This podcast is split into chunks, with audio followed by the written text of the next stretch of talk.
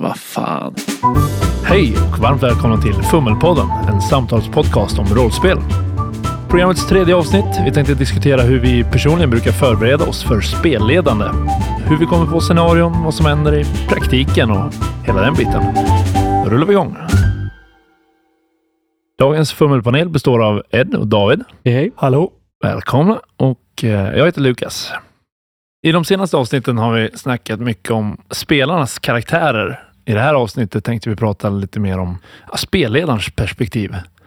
SL-stilar och SL-verktyg är en hel vetenskap i sig, så vi tänkte huvudsakligen fokusera på ja, egna tillvägagångssätt egentligen och hur vi kommer igång med SL-andet. Vad börjar ni vanligtvis? Jag brukar börja med den känslan eller temat jag vill ha på kampanjen. Tänka efter hur vill jag att det ska upplevas? Vad vill jag att mina spelare ska få uppleva? Mm. Och utifrån den känslan då börja plocka in de elementen jag behöver, de miljöerna jag behöver, settingen jag behöver. Sen utifrån det börja förbereda spelledarpersoner, faktioner och där starta upp och tänka igenom de delarna för att skapa den känslan jag är ute efter. Så du börjar mycket med stämningen, men inte så mycket handlingen? Nej, jag brukar fokusera på vilka aktörer det är och vad har de för mål? Och därifrån jobba vidare. All right. Edvard? Yeah. Jag eh, tycker ofta om att eh, ha så mycket små detaljer som möjligt i platsen där folk kommer spela förberett så att det finns många alternativ för spelarna att ta sig för saker. Även om det kanske finns ett slutgiltigt mål som de bör fokusera på så vill jag ha så många alternativ som möjligt för spelarna att eh, ta sig dit eller alternativt hitta på något helt annat i spelvärlden. Så man bygger upp så många intressanta alternativ för spelarna att leta sig igenom. Eh, det blir ju ofta att man har ett ganska stort spektrum av SLP som miljöer som man förbereder då. Eh, och så får man vara försiktig med att gräva för djupt på var och en av dem, för man vet aldrig vad som kommer bli utnyttjat. Men du har någon form av kärna i En kärna som troligtvis är vart det kommer hamna, men jag försöker att inte låsa mig vid det om spelargruppen hittar något annat som är intressantare. Jag ska inte säga att jag börjar helt andra änden, men jag föredrar väldigt mycket att ha någon form av starkt grundkoncept. Att det är någon som håller på och lönnmördar framgångsrika affärsmän eller det är en sekt som håller på med något mystiskt inom en stad. Och det är liksom själva grundkärnan. Och sen bygger jag vidare på den då, att eh, försöka lista ut varför blir affärsmän mördare eller varför håller den här sekten på med det de gör. Och sen försöka hitta någon hook till det här då. Varför ska karaktärerna bry sig? Hur kommer de in i bilden? Och sen ja, successivt börja täppa igen logiska luckor. Att varför sköter inte polisen det här? Eller ja, försöka bygga så att det känns motiverat och väl förankrat. Sen lägger jag väldigt mycket energi på det här med scener. Karaktärerna ska fly från någonting stort här. De ska ha en konfrontation med ondingen här. De ska få reda på den här informationen ungefär i det här skedet för att det blir någon form av dramatisk effekt. Sen får man se hur det blir i praktiken. Men jag gillar ändå att ha de här scenerna som jag tror är intressanta att uppleva. Att jag har krattat för dem i liksom vid planeringsfas. Så egentligen väldigt olika Ja. ingångssätt allihopa. Jag tycker också om att eh, just för att det är en miljö där jag SLR troligtvis kommer att hamna i, så en av förberedelserna man kan göra är liksom att rita kartor, måla upp illustrationer av olika SLPs och sånt där. För att, att möta de här personerna kommer troligtvis att ske. Men att skripta långa sekvenser är ju då mera tveksamma om jag faktiskt kommer få nytta av det. Just det. Så att, att lägga fokus på att göra var och en av SLP-erna mera trovärdig och fokuserad och ha egna motiveringar hos dem så kan liksom världen få leva parallellt med att spelarna fattar sina beslut. Du är också lite inne på då, olika faktioner med agendor eller? Ja, men absolut. För jag, som spelledare så kan man ju inte kontrollera vad karaktärerna kommer göra. Det är, Nej. det är lite meningen med att spela rollspel känner jag. Håller med. Absolut. Men där är det ju då intressant att istället för att planera exakt vad karaktärerna kommer göra, så tycker jag om att planera vilka de kommer möta och vilka det är som de kanske blir vänner med, vilka de kanske blir fiender med. Då. Relationerna sinsemellan. Ja, men precis. Att göra en värld där det finns aktörer som har olika mål och som inte är samspelta med varandra. Och sen så blir spelarkaraktärerna lite grann de som rör om i grytan och de som bryter status quo. För diskussionens bästa kan det ju vara trevligt om jag tar någon form av extrem position, men min plan är också ganska diffus och jag lägger också mycket eh, arbete på att liksom förbereda var det ska hända, men snarare jag har någon idé om var jag vill att det ska leda och egentligen vilken väg som blir mest tillfredsställande. Sen är det upp till spelarna att välja hur man kommer fram dit. Men försöker kratta för den vägen som jag tror är intressantast att spela. Så att spelarna inte sticker iväg på ett sidospår som blir otillfredsställande i slutändan. Det blir egentligen mer punktförberedelser. Jag siktar på att få karaktärerna hit. Därför kan jag lägga fokus på att förbereda saker inom den här situationen eller den här platsen. Fördelen med ditt är ju att du faktiskt kan ha saker i planernas verk på ett annat sätt. Liksom, eh, med en så bred front som våra varianter då skulle föreslå, jag och David, är ju svårt att gräva djup och kanske även in i framtiden för händelseförlopp i flera steg. Så att ibland så får man nästan endera improvisera händelseförloppet som SL och i vissa alternativ till och med lägga in någon form av dröjesmål för att handlingen, SL-planeringen ska få hinna ikapp. Aha.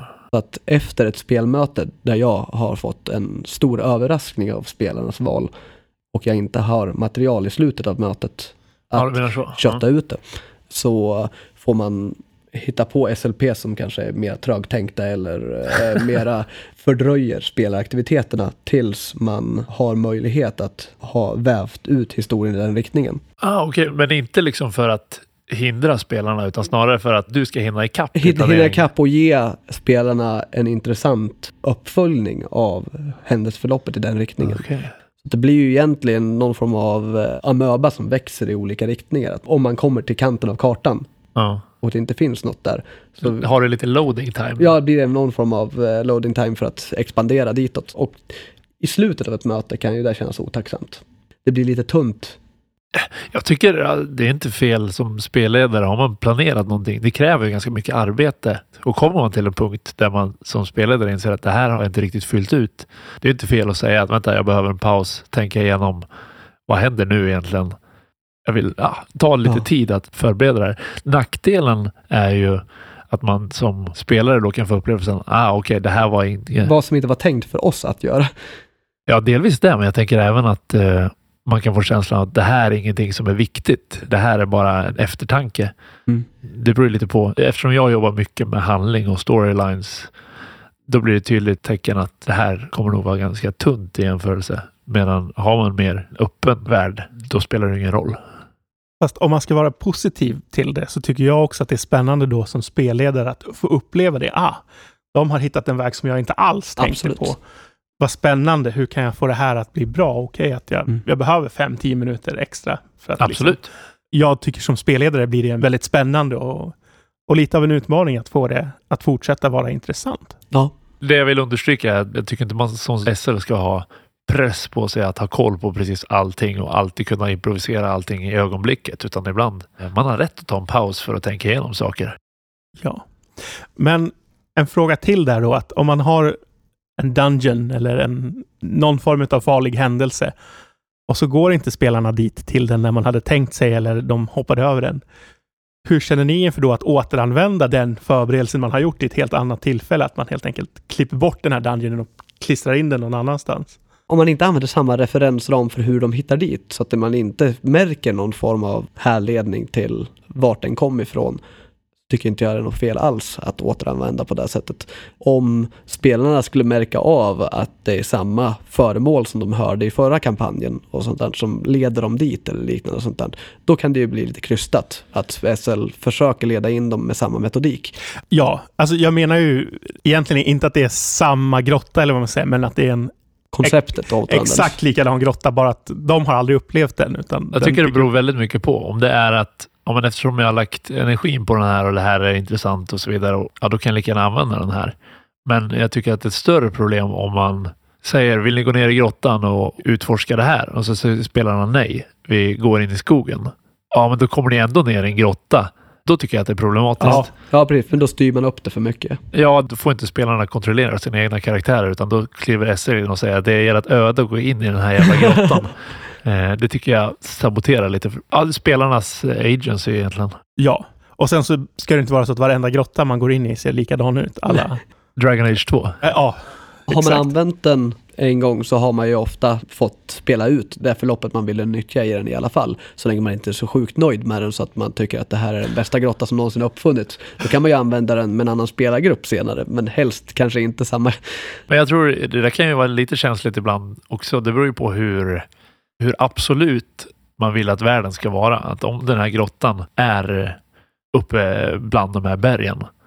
Det kan vara lite känsligt tror jag ibland att säga att nu är den här borta för att då har man varit inne och roddat i världen.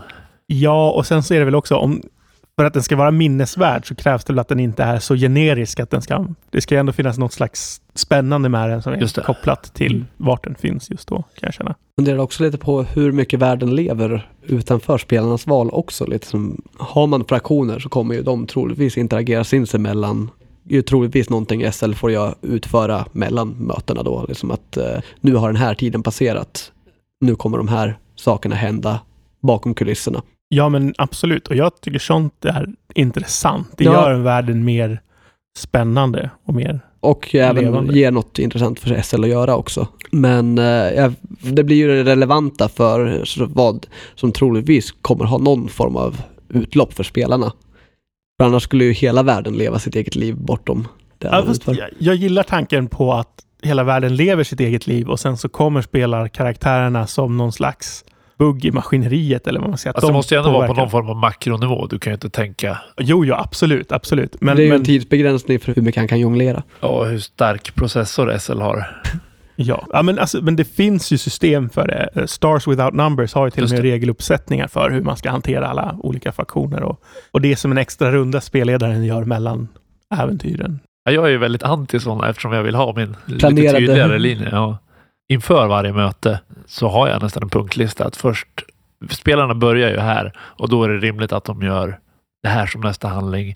Troligtvis kommer de prata med den här personen. Han har den här informationen och eh, efter det så är det med tanke på informationen han har är det rimligt att de går till den här personen. Och eftersom hon har den här informationen så leder det förhoppningsvis vidare till det här. Så jag har en punktlista som, det är inte säkert att spelarna följer den, men det har varit möten där de har eh, kört rakt igenom också. Mm. Det blir lite questline. Ja, lite, men jag försöker undvika att det ska bli så tydligt för att det kan förstöra inlevelsen lite grann upplever jag. Jag föredrar nog att ha kanske tre punkter som är fristående från varandra eller kanske till och med motsägelsefulla.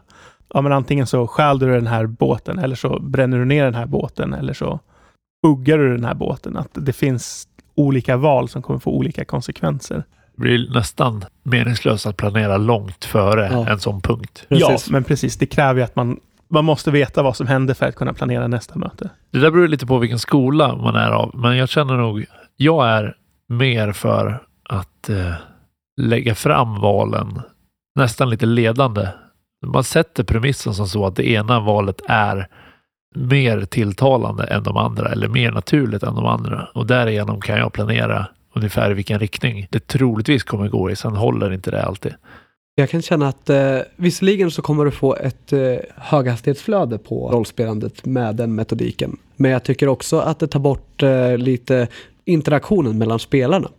Det som David presenterade med de tre alternativen för båten är ofta karaktärspersonligheter som leder fram till hur de tycker att man ska hantera nästkommande situation.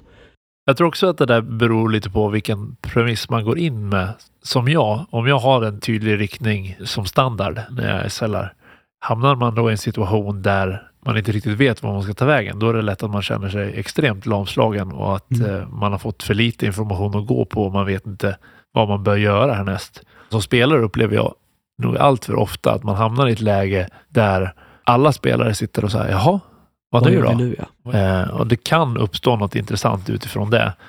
Men ofta så kan det bli tystnad också och alla bara sitter och ja, hoppas någon gör någonting som leder någonstans. Men ingen vet vad som är rimligt att göra. Det kan ju bero på att man som SL har planterat för eh, få frön var det ska leda. Men jag, jag har valt att hantera det på det sättet att det är bättre att spelarna har någon form av incitament till nästa handling. Ja, jag instämmer med det för att problem jag som har dykt upp med min idé om flera olika val är att de här flera olika valen har varit för otydliga och man har liksom inte förstått att det, här är ett alternativ, det här är ett annat alternativ. Och då blir det där att väldigt frustrerande för alla, för alla står och stampar och ingen vet riktigt vad som ska, ska hända eller göras. Alternativet är ju att förbereda exempelvis en stad och verkligen planera den staden så att det finns massa olika saker att göra, massa olika hookar till helt olika eh, åtaganden. Och eh, där släppa lös spelarna och sen spelar det ingen roll om de eh, utför det här uppdraget eller om de pratar med den här personen eller om de bara hänger på krogen och spelar kort med folk eller om de... Det blir ingen fail state med det på samma sätt utan det blir Nej, liksom, det är bara att eh, man kan tappa momentum. I ungdomsåren så kunde vi ha så 12 timmars möten. Numera när man har alla den vuxna ålderns nedtyngande moment så är det ett kort möte så vill jag hellre ha att det ger någonting mer än att bara sitta och flumma i tre, fyra timmar eller vad vi kan mm. spela nu för tiden. Ja, så det känns som man har åstadkommit någonting under de här timmarna. Ja, både som spelledare och som spelare. Man har fått ut någonting av det ja, utöver det vanliga. Det håller jag med om också, att det är viktigt att kanske överförbereda lite så att man kan hålla ett högre tempo än vad man tror att man behöver. Som sagt, om man bara spelar några timmar i veckan eller några timmar varannan vecka eller vad det nu är. Ett högre tempo är bättre. Släng in det du har förberett istället för att sitta och hålla på det. Det blir sällan bra i slutändan. Det är bättre att det händer för mycket än för lite. Nu har vi fokuserat väldigt mycket på det här med skriva eget och komma på och bygga på och så vidare. Har ni SLat mycket färdigskrivna äventyr? Nej. Inte på länge. Vi påbörjade att spela Riot Mind, Svarta Solen. Just de, de, ja, precis, de två första började vi och på grund av att man lägger så mycket tid på de inledande två så kände man sig nästan man hade en plikt att fortsätta med Eldsjäl och, och eh, Likstorm när de väl kom ut. Men jag skulle säga att eh, färdigskrivet kräver en annan form av SL-stil. Och så länge du inte vill vara så pass flexibel att du eh, väver nya historier. Vi mm. har, just då vi har spelat Snösaga flera gånger så var det intressantare att andra gången tänja på gränserna. Vad kan vi åstadkomma med det här som inte är den planerade historien? Det var ju nästan helt ny grupp också som ja. spelar, så det är mest som SL som man upplever att det blir väldigt annorlunda då. Mm. Just färdigskrivet fungerar ju egentligen Ofta är ju de väldigt rälsade eller ja. förutsätter någon form av rälsad spelstil. Så det ligger lite mer i linje med hur jag ställer saker och egentligen skulle man skriva om mina anteckningar. Jag jobbar nästan bara med stödord när jag skriver själv. Så skulle man skriva om dem till flytande text så hade det blivit något som eventuellt andra kan SLa också. Det finns någon term som jag inte riktigt kan greppa nu, där det är eh, mera den här boken fördjupar sig i den här staden och... Modul? Ja, modul. Ja. Det är modul jag är ute efter. Att, eh, med en miljö som ger en form av sandlåda i sig själv. Medan andra färdigskrivna som är mer äventyrsfokuserade, då får du ju rälsen som är ja. mer likt ditt. När jag jobbar med färdigskrivna, jag läser igenom hela Sen skriver jag ofta ner det i form av stödord så att jag vet att jag förstått det. Men jag kan aldrig hålla mig från att gå in och ändra nästan allting det är egentligen anpassa efter spelgruppens spelstil och göra subjektiva förbättringar. Jag SLade ju nyligen Snösaga i huvudsak för en ny grupp. Då klippte jag ju bort stora bitar, ersatte med helt andra bitar. Jag kastade om akter. något helt annat. Ja, det blir en helt annan kampanj. Det blir ju inte helt egenskrivet, men det blir ju någon form av anpassat material för de man ska SLa och för vad man själv är som SL. Det tror jag är ganska viktigt för att ska man SLa någonting som man inte behärskar då är det lätt att det spårar ur. Eh, alltså, jag tycker att färdigskrivna äventyr och, och även sådana här kompanjmoduler är spännande inspirationskällor. Ja. Men sällan lätta eller ens bra att kopiera eller köra rakt igenom. Det blir lite för styltat och lite för ja, man, opersonligt. Ja, precis. Det blir lite one size fits nobody. Och Exakt. man vill inte ta sig samma friheter med det heller. Liksom, eh, har du skapat tanken så kommer du fortfarande ihåg varför du väver ihop två stycken relationer mellan karaktärer och eh, även mellan platser, hur geografiskt det kommer hänga samman. Det känns som att man kan eh, måla in sig i ett hörn eller eh, skapa fallgropar när man börjar ändra i något färdigskrivet. Just det. Om man väl har börjat ändra i det så måste man ha läst på så pass in detalj så att man inte senare i boken inser att det där var relevant. Det klippte vi. Mm. Och det är inte förrän nu det uppenbarar sig. Ja, och sen jag tycker att det roliga är ju att skapa någonting eget. Att, Ja. att vara inspirerad av någonting och att Mm. sätta sin egen lilla stämpel eller twist på det. Sant. Och där blir ju färdigskrivet sällan lika bra, eller lika roligt i alla fall. Det blir lite som att spela covers. Nu finns det ju band som tycker att det är roligt. Jag har alltid föredragit att hålla på med eget. Ja. Av just den anledningen. Och jag tror, har man som spelledare inte roligt, då kommer det lysa igenom och så kommer spelarna inte ha särskilt roligt heller. Så Nej. någonting som man själv är intresserad av. Det är ju risken med eh, att spelleda allt förälsat, upplever jag. Att vet man precis hur det ska gå, då kommer man bara sitta tugga på. Drömma Som, bort. ja, det blir ingen spänning i det. Även om spelarna kanske har spänning eftersom de inte vet var det tar vägen beroende på hur bra man får till inlevelsen. Så som SL så kommer det bli dötrist att sitta möte efter möte och bara då blir det mer som att berätta en historia än att rollspela. Känner du också att många färdigskrivna saker inte ger några spelarval? Det finns eh, väldigt mycket som är skrivet att det förutsätter att ett visst val har gjorts. Ja, Och när spelarna väl har gjort ett annat val så kanske tre kapitel skulle falla bort för att man inte kan använda det under den det. situationen med det här spelarvalet. Eh, Hade du skrivit det själv så kan du endera skapa en omväg tillbaka för att du vill använda materialet på ett annat sätt. Men flexibiliteten är mera låst jag hänger en del på det här rollspel.nu som är väldigt trevligt för övrigt kan jag rekommendera. Där var det en diskussion nyligen om precis just det att som sagt, många färdigskrivna äventyr det är att sen när spelarna har gjort det här, då. Men det är väl långt ifrån säkert att spelarna gör det valet och, och där har man lite olika. Antingen får man som SL då säga rakt ut att nej, ni måste göra så här, annars spricker kampanjen och nu får ni helt enkelt lyssna på mig. Man kan göra det lite mer subtilt också. Eller så får man liksom försöka lura spelarna och det kan ju också ha sina problem. Men där kommer vi egentligen fram till att eh, framförallt för nybörjare ska du ha någonting som kan användas av andra. Då måste det vara lite mer konceptuellt sandlådemässigt. Att det inte är så tydlig röd tråd. För precis som du säger, i vissa fall gör inte spelarna det valet som förutsätter att nästa steg händer och då försvinner nästa steg och nästa steg och till slut så har du rivit upp den där kampanjtröjan tills det bara slarvsylta av det. Mm. Jag tror att det är väl något tillfälle vi har varit en kompromiss där också, att man har spelat ett färdigskrivet äventyr, kommit till en punkt där, ah, här gjorde spelaren ett annat val. Då lägger vi åt sidan det här färdigskrivna äventyret och utforskar ett då självskrivet sidequest som kan ta vägen var som helst och sen får man ta de konsekvenserna också. Så jag tror inte att det är en skada att inleda ett färdigskrivet så länge man är villig att utforska spelarnas val och Ja. ha någonting att ta vid om någonting har spårat ur. Ja, men, men det är egentligen kommer man tillbaks till då att du hämtar inspiration från det snarare än att du Ja. spelar det som det är skrivet. För jag tror nästan att jag känner mig mera bekväm i det än att bryta och eh, styra upp. Ja, jo men det blir tråkigt. Jag tycker att det förstör inlevelsen om en spelare kliver in och säger att nu gjorde ni fel val. Vi får backa bandet så får ni göra rätt val, annars skiter sig allting. Nej, alltså jag är helt beredd att hålla med. Att det finns ju uppenbarliga svagheter i färdigskrivna äventyr. Att de, de kräver ändå någon viss styrning och någon viss frälsning ibland.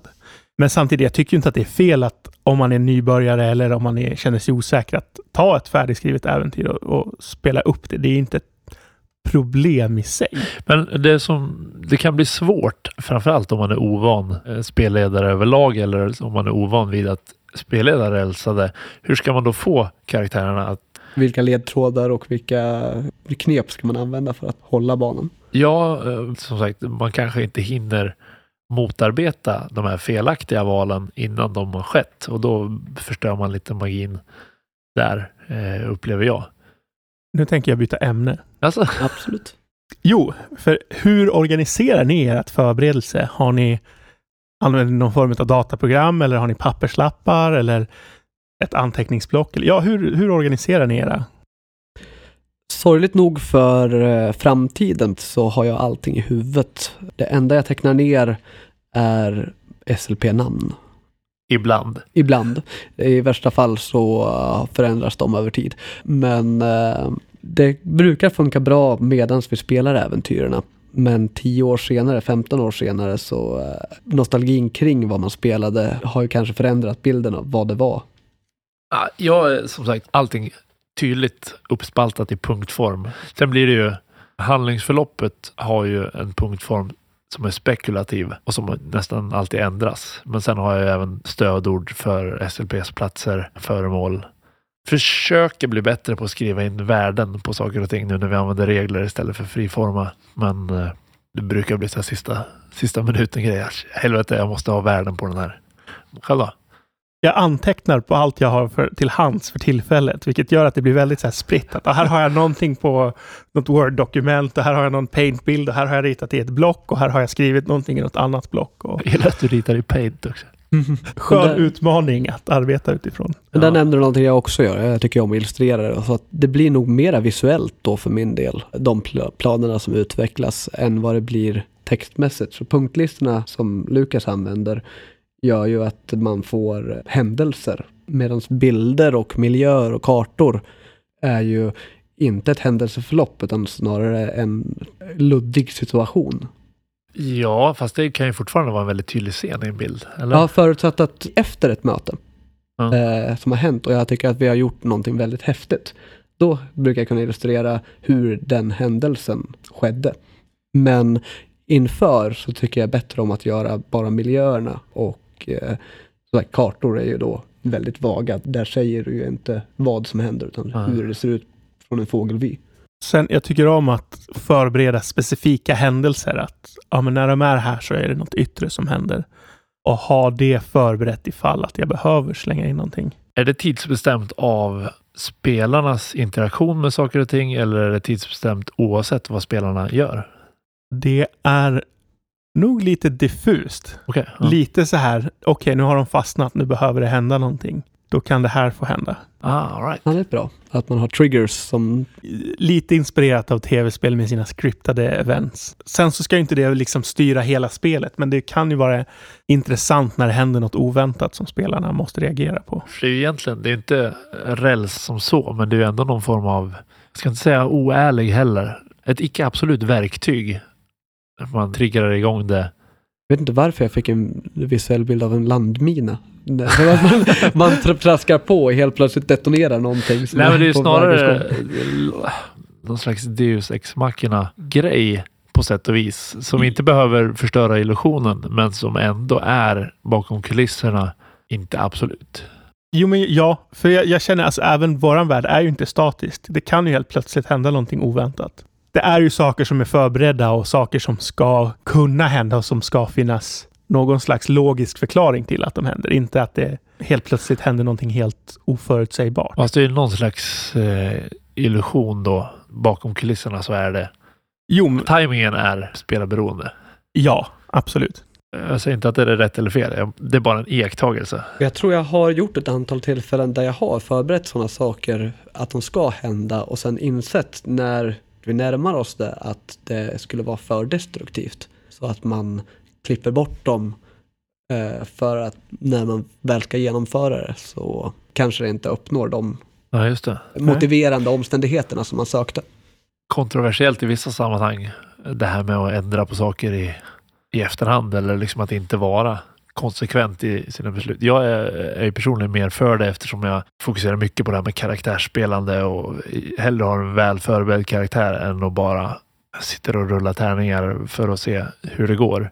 Eh, och då, som du säger, har man någonting som man har tänkt som blir alldeles för destruktivt som bara kommer stänga ner hela den storylinen så är jag i regel för att ändra det. Eh, hur ser ni på Kill Your Babies? Eh, när man... Kill your darlings. Ah, så heter det. ah, Freudian slip. Eh, kommer just bli filerbar far snart. Lite illa. Eh, men Beror om man ser till... grann. Eh, jag har vid något tillfälle tvingats till den punkten där jag inser att vissa av mina SLPs kommer döda andra av mina SLPs innan spelarna får träffa dem. Utifrån val som spelarna har gjort. Vilket ju egentligen bara betyder att jag har skapat en karaktär som aldrig fick bemötas. Men det är lite det vi pratade om i början, det här när du gör en grotta som spelarna väljer att inte gå in i. Det är också ett barn som behöver mördas. Ja. Kill your darlings, alltid. Jag är helt med på det. Jag tycker att man ska Ja. inte tycka att någon är för cool för att dö. Nej, och samma, det finns ingen grotta som är för bra för att... Klippas. Exakt. Ja, ja då rundar vi av för idag helt enkelt. Trevlig helg. Lidan är Ja, slut. kommer släppas på en tisdag, men vi vet aldrig. aldrig när folk lyssnar. Ta det lugnt imorgon på lillördag. Men om de lyssnar? ja, precis. Det är sant. Det går inte att vinna det här. Nej. Tack för den här gången. Ja, tack och hej. Du har lyssnat på Fummelpodden som presenteras i samarbete med Studiefrämjandet. Du får gärna gilla vår Facebook-sida eller kanske följa oss på Instagram. Länkar finns i avsnittsbeskrivningen. Har du feedback eller tips på ämnen? Hör av dig via sociala medier eller skicka ett mejl till info.fummelpodden.se.